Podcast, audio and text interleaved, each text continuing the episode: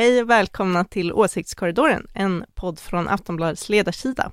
Idag ska vi prata om Ukraina, vi ska prata om Ungern, valresultatet i Ungern och hur det går för EU med att kasta ut Ungern och Polen. Vi ska prata lite om budgivningskriget som valrörelsen verkar bli. Välkomna att lyssna. En podcast från Aftonbladet Ledare. Åsiktskorridoren.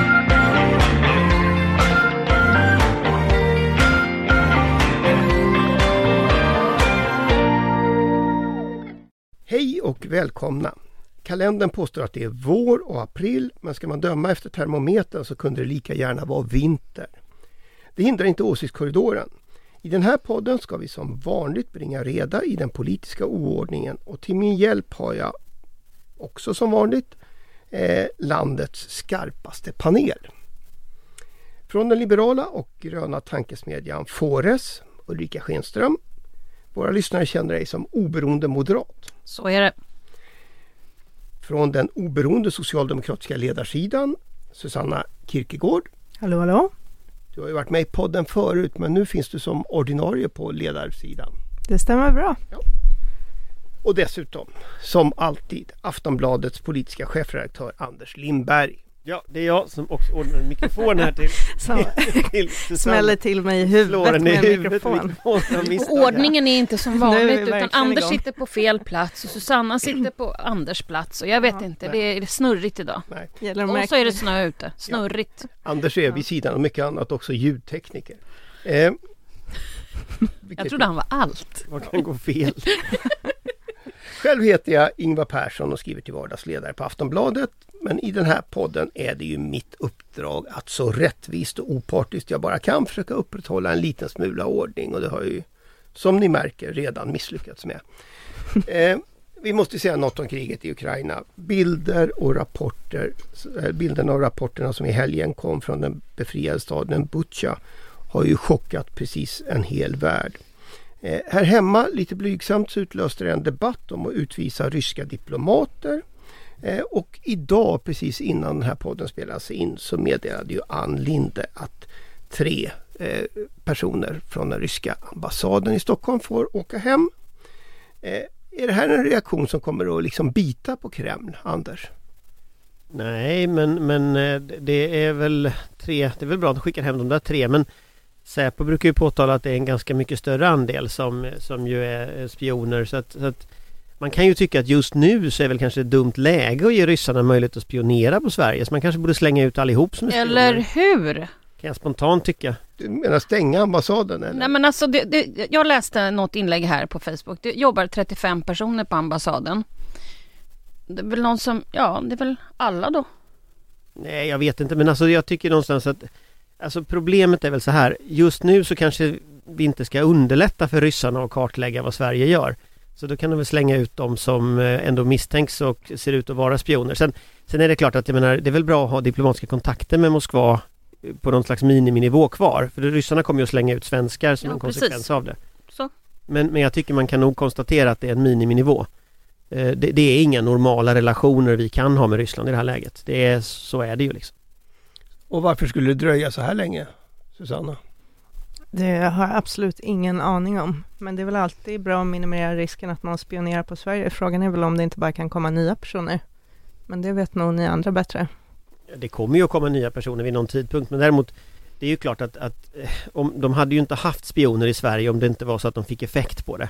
Nej. Eh, så, så, att, så att jag tycker nog att det kan vara klokt att minimera ryska, förmå, ryska underrättelseförmågan i Sverige. Sen är det klart att ryssarna har en, en väl utvecklad underrättelseapparat i alla länder runt omkring Ryssland. Liksom. Så är det ju. Alltså Ekot, nej inte Ekot kanske det var P1 Morgon igår. De hade ju ett långt inslag om, om hur ryssarna jobbar och så. Så att det är inte bara på ambassaden, så tre på ambassaden, utan det är ju massa överallt annanstans också.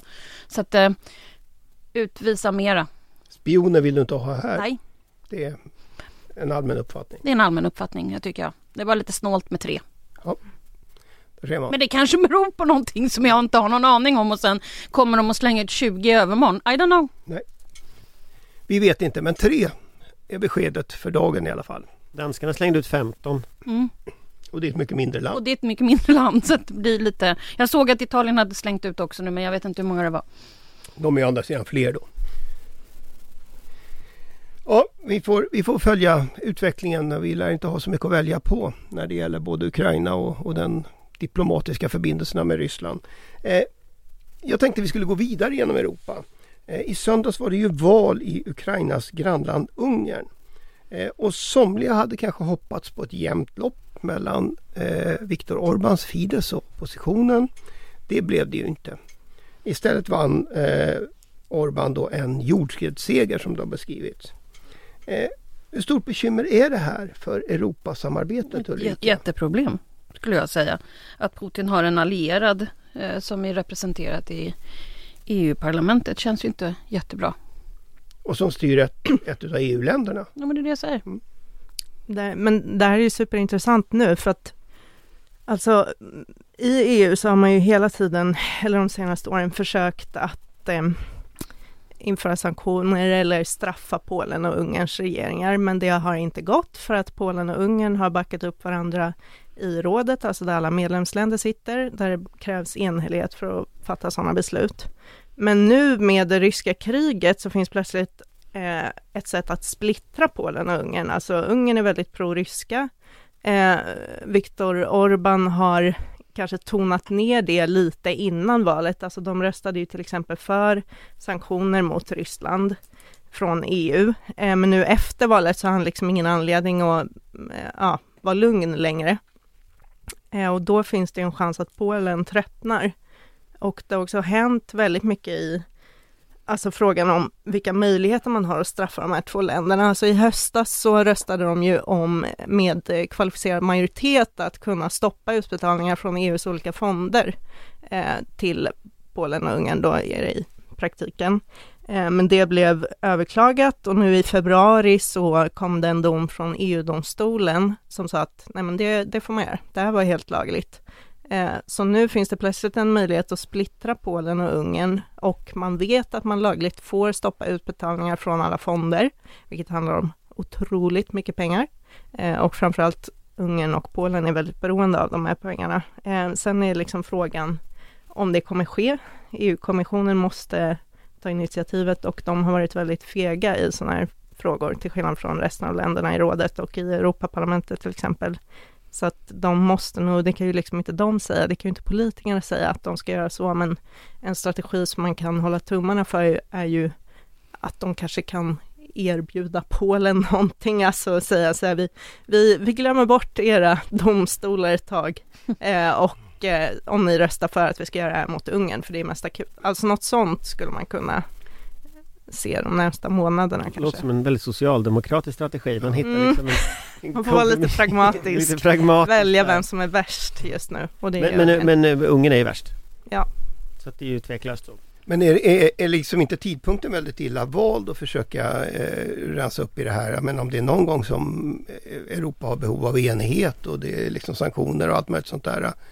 Alltså är det lämpligt att, att ta en strid om, om eh, de här ja, alltså det beror väl på om, det beror väl på om Orban tar den striden. Det väljer ju han. Det väljer ju inte EU. Men om han skulle gå in till exempel och stoppa sanktioner mot Ryssland då tror jag viljan att slänga ut Ungern ur EU kommer att öka med väldigt, väldigt, snabbt. Och den kommer att öka till en nivå där de övriga länderna kommer inte att kunna riktigt hantera en sån folklig opinion. Eh, och det, det, ser vi ju redan när Zelensky har gett sig i tydlig konflikt mot Orbán. Att det är klart att blir det en huvudnyhet då tar ju Ungern en strid som de inte kommer att ta hem.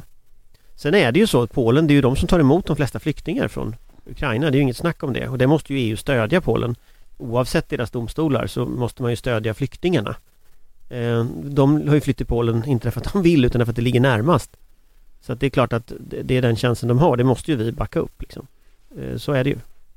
Men, men jag menar, om, det verkar ju inte som det där har gjort något större intryck på de ungerska väljarna då?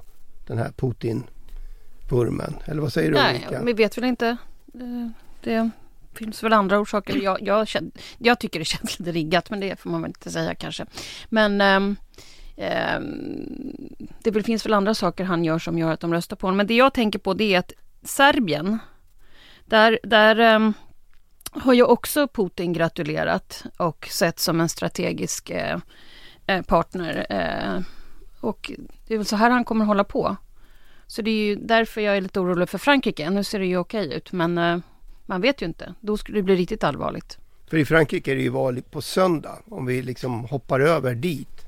Eh, och, och där vänstern är jättesvag. Eh, Macron ställer upp igen men eh, i de senaste opinionsundersökningarna går det ju väldigt bra för Marine Le Pen. Alltså, I andra valomgången, den teoretiska andra valomgången. Ja men hon ligger väl Le Pen på 21 procent, Macron på 26,5. Mm, Men i en andra valomgång, det Ingvar syftar på är att i en andra valomgång så ser ju Marine Le Pen ut att kunna få uppåt 48 procent. Precis. Och det, det är ju alltså det, det är ju ett problem naturligtvis om det skulle bli så. Jag, jag, jag har svårt att tro att det blir det. Jag tror men, inte men, heller att det blir så. Men, men, eh, men en andra valomgång blir det ju. En andra valomgång blir det men, men om, om det blir, eller sannolikt en andra valomgång det, det allt Men det är ju på. här vi ser vad de populistiska partierna var till för och hur de har kommit fram och vad de ska göra. Så att det är ju, eh, det känns som det är på väg att bli ett eh, Östeuropa, Västeuropa, om det är så att det är fler länder som väljer populistiska partier som eh, leder landet. Det är ett jätte, jätteproblem. Jag kan berätta en anekdot om Marine Le Pen, om ni vill höra.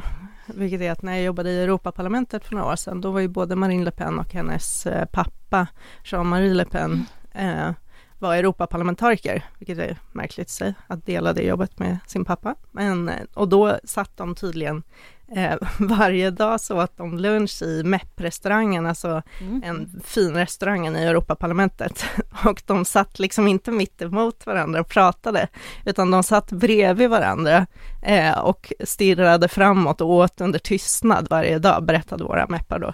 Eh, det var inte jättebra stämning mellan dem för att han hade ju blivit dömd för eh, antisemitism och utesluten ur partiet och sådär. Men de åt lunch varje dag tydligen.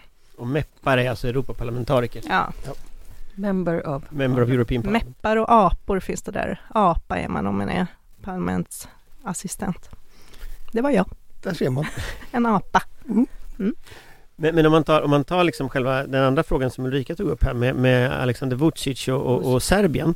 Då, då, då kommer man ju till den intressanta situationen att vi skulle kunna få ett, ett, liksom ett, ett område av instabilitet från egentligen eh, det som var den tidigare gamla västra Balkanrutten, flyktingrutten upp men med auktoritära regimer som mycket väl kan reagera på alla möjliga konstiga sätt. Och då är det så att nu finns det ju gränser hela den där vägen men men tittar vi, eh, om vi börjar liksom i, i, i Turkiet så är det inte särskilt stabilt. Eh, vi vet inte vad som händer. Eh, Erdogan är ju som han är. Och så går man liksom upp eh, över västra Balkan så ser vi utvecklingen i Serbien, upp till Ungern. Så ser vi liksom utvecklingen där och sen så har vi liksom Ukraina. Alltså det blir liksom ett sammanhängande område av potentiella katastrofer. eh, Men det blir ju som under, under ganska lång tid. Och så ska vi lägga till Frankrike då till det där. Det ligger ju inte riktigt geografiskt. Jag vet inte. Alltså, alltså, måste vi, vi måste tänka positivt just på den grejen. Det blir Macron som vinner. Vi får veta efter påsk om jag har rätt eller inte, eller nästa. Det där lät som jag är inte rädd, jag kan flyga. Ja, jag vet. Men jag försökte i alla fall vara lite positiv. En Ja. liten stund i detta mörker. Då, då tar vi till oss av detta i snöstormen. Det går att flyga. Ehm. Tillbaka till Sverige tänkte jag. Ehm, för vi har ju haft liksom debatt här hemma också. Eh, Sverigedemokraterna har ju bland annat blandat sig i, liksom haft en del problem med, med riksdagsledamoten och den tidigare försvarsutskottsledamoten Roger Rischoff som ju delade eh, Putin-propaganda. Det var ju inte så bra då. Eh, Så nu utesluts han ur partiet och har stängts av från försvarsutskottet. Eh, Men när det gäller Sverigedemokraterna så tänkte jag att vi skulle prata lite grann om, för Åkesson har ju snurrat in sig i ett resonemang om flyktingar här i veckan. Eh, som handlade om att det var skillnad på flyktingar och flyktingar. Mm. Och då skulle de vara med citationstecken. Eh, och om, om jag då liksom förstår det så är de med citationstecken det är personer som har flytt undan krig i Afghanistan, Syrien och Somalia. Eh, och de är då proffsmigranter enligt Åkesson. Eh, bland annat för att de är muslimer, kanske inte så högutbildade och dessutom ofta män. Är man däremot från Europa, kristen och kvinna så är man då eh, inte proffsmigrant utan flykting utan citationstecken. Kommer den här balansakten som Åkesson försöker sig på som ju liksom eh, verkligen är på gränsen till ren rasism. kommer den liksom att påverka samarbetet i, i, eh, på högersidan i, i den borgerliga sidan i svensk politik, Susanna? Eh, nej, det tror jag inte, för skulle de ha brytt sig om sånt här så hade de nog eh, inte velat samarbeta med dem från första början. Alltså, vi har vetat sedan Sverigedemokraternas bildande att det grundades av nazister och fascister. Och tycker man att det är ett problem, eller tycker man att det inte är ett problem, då tycker man nog inte att det här är ett problem heller. Och det här som jag har sagt i hur många år som helst, jag, jag, står inte ut längre. Det borde vara ett gigantiskt problem för ett liberalt och ett liberalkonservativt parti. Så att, ja, jag, jag tror tyvärr som Susanna, men det borde inte vara så. Punkt. Man kan inte göra skillnad på flyktingar och flyktingar. Jag, jag tycker den roligaste bilden av den här eh, gjorde, gjordes av Herr Talman. Har ni sett det här programmet Ja. i SVT med de små dockorna? Och där, där då, eh, de har en sån här sekvens i det, något avsnitt för ett tag sedan där, där, där Åkesson och Jomshof och han den här som är utslängd i Europaparlamentet, bort vad han heter och sådär. Lundgren. Ja men det, det gänget som ska åka liksom buss till Ukraina och hämta flyktingar och så Jomshof protesterar hela tiden tills han kommer på att ja men de är ju vita. och då förstår Jomshof varför han ska hämta dem för de är ju vita liksom.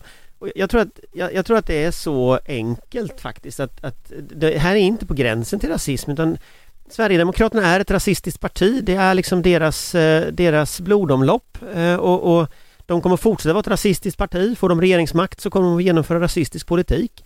Och, det är liksom ingen snack om den saken. Det här är bara ytterligare ett exempel på det.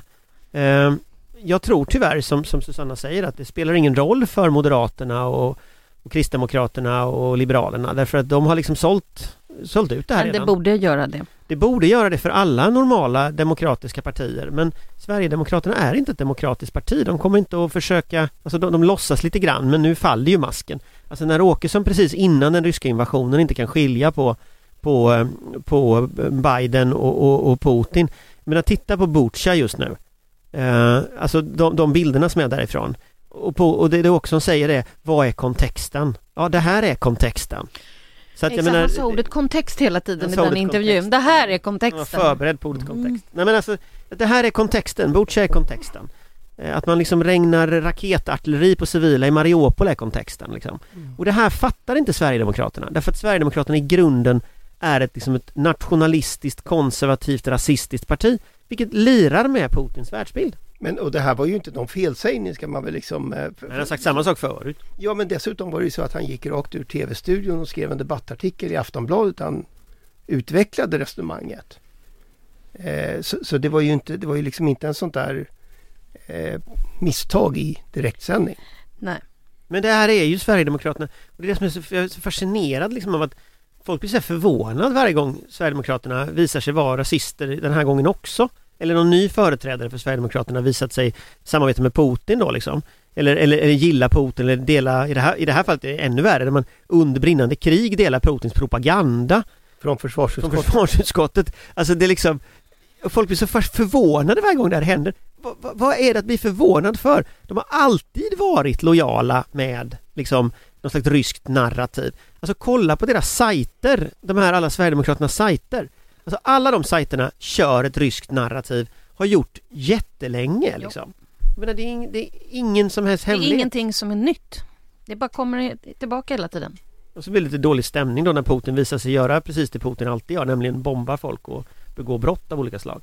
Fast då bytte ju å andra sidan Sverigedemokraterna fort fot och ville... Eh, Ja, till hälften. Alltså det var, inte, det var någon dag innan invasionen när de röstade nej i Europaparlamentet till det här, eh, på det här liksom stödpaketet till Ukraina.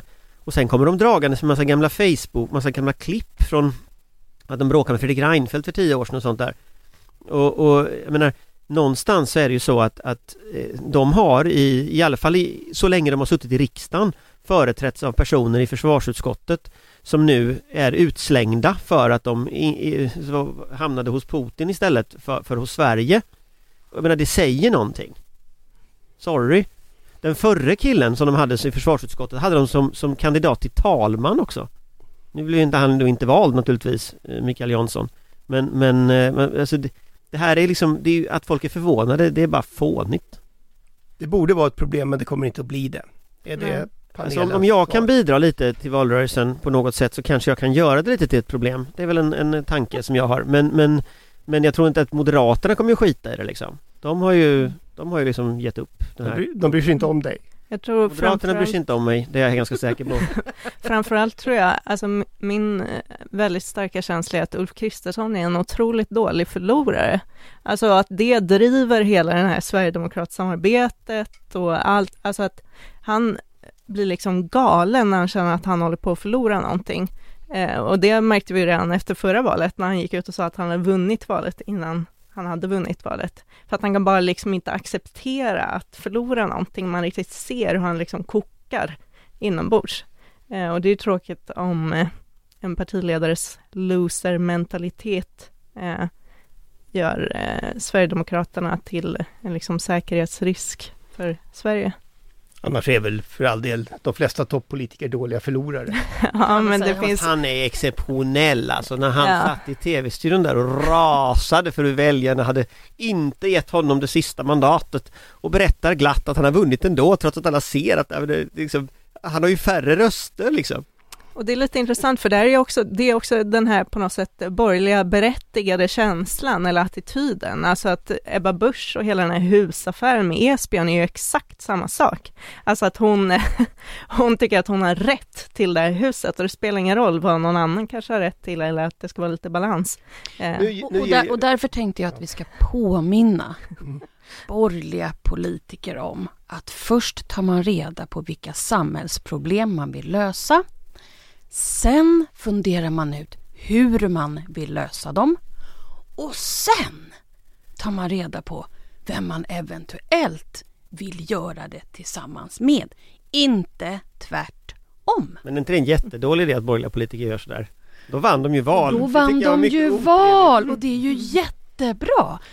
Men jag ville bara påminna om det, verkar att man inte ska börja, börja i andra änden. jag, jag tänkte annars att jag skulle ge ett ordet till Ulrika för att hon skulle få påminna om att det har förekommit socialdemokrater som har tagit makten för given.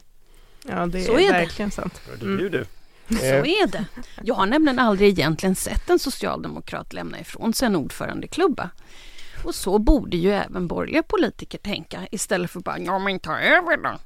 Så. Fast, Så fast jag tycker det, det tillhör Men det hemläxan är ändå fortfarande den absolut viktigaste. Nämligen kampen mot samhällsproblemen. Fa- Fast Mm. ärligt talat, politiker är ju politiker för att de vill ha makt. Den här idén att Det politiker... finns politiker som börjar sitt engagemang i att man vill förändra och förbättra för andra människor. Och vet du, till slut kan de få makt. För vet du vad det bästa mer att göra, när de får makt, för det är grejen Anders?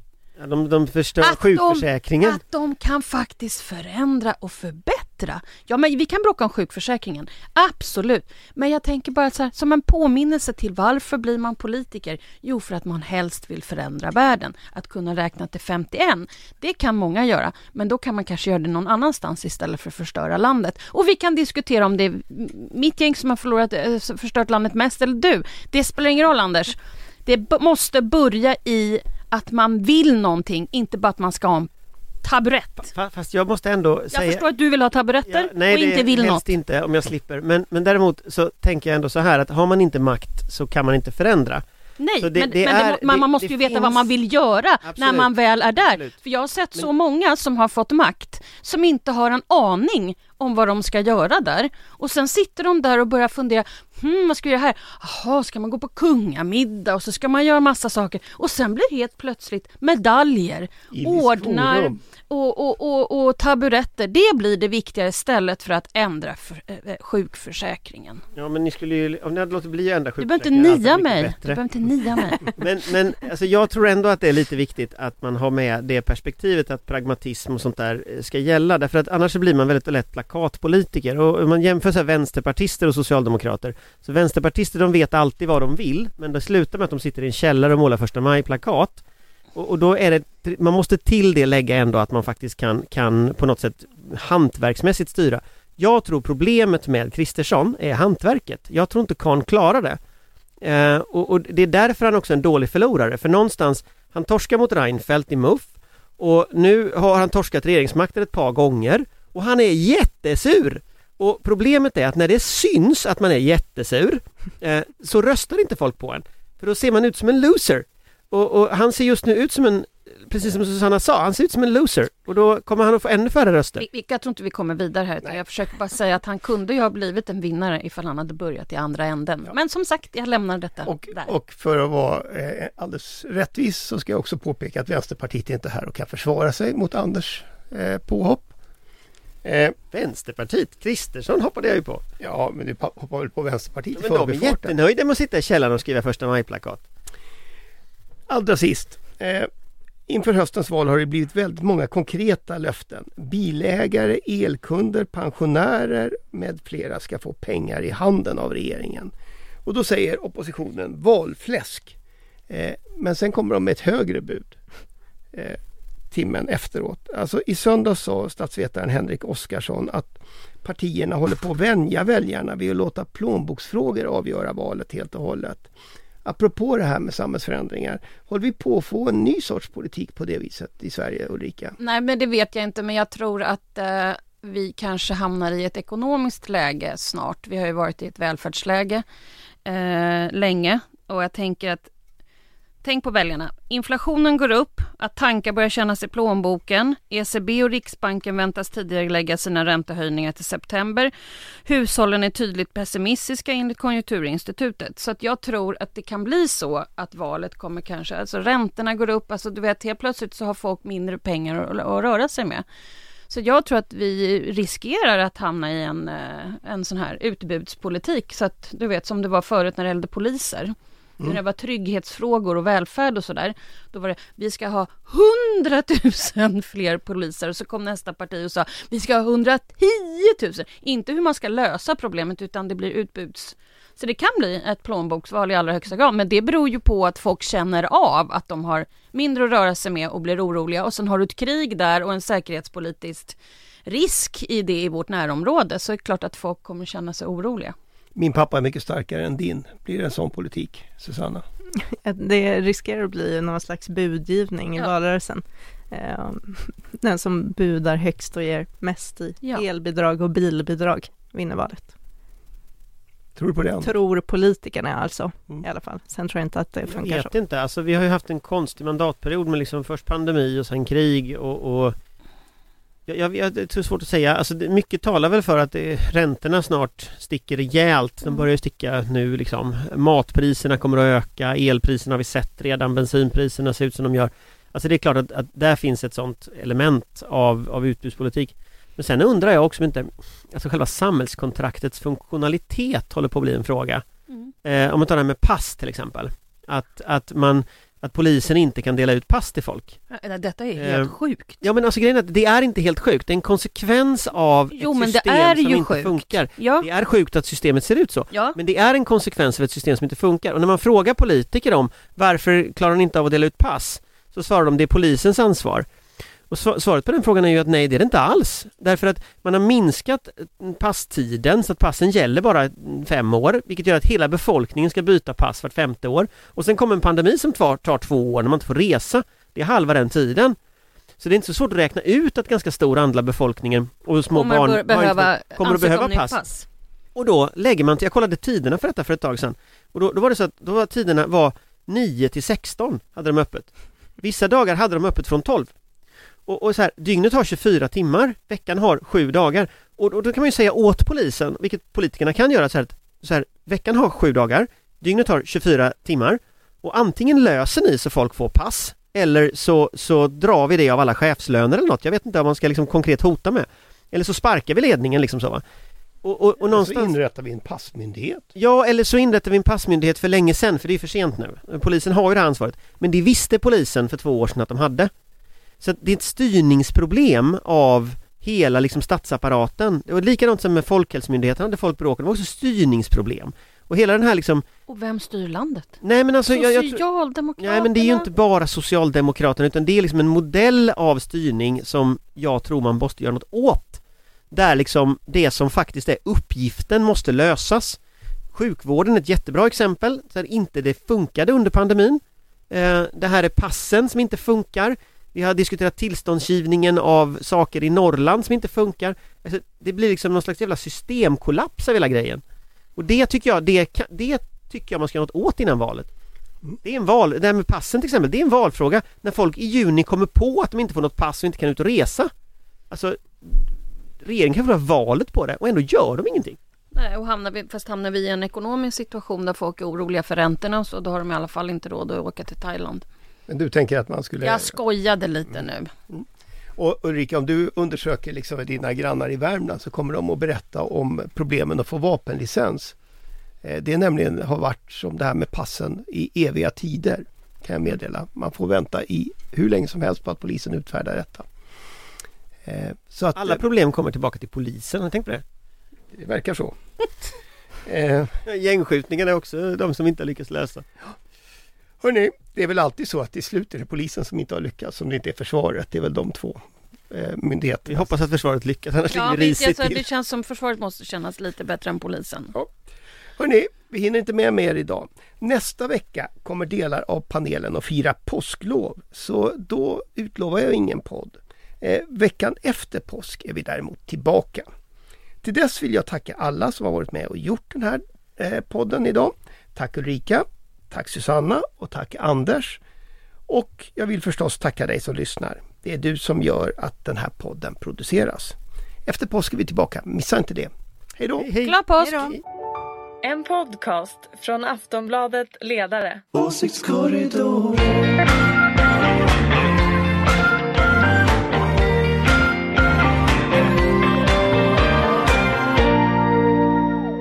Du har lyssnat på en podcast från Aftonbladet. Ansvarig utgivare är Lena K Samuelsson.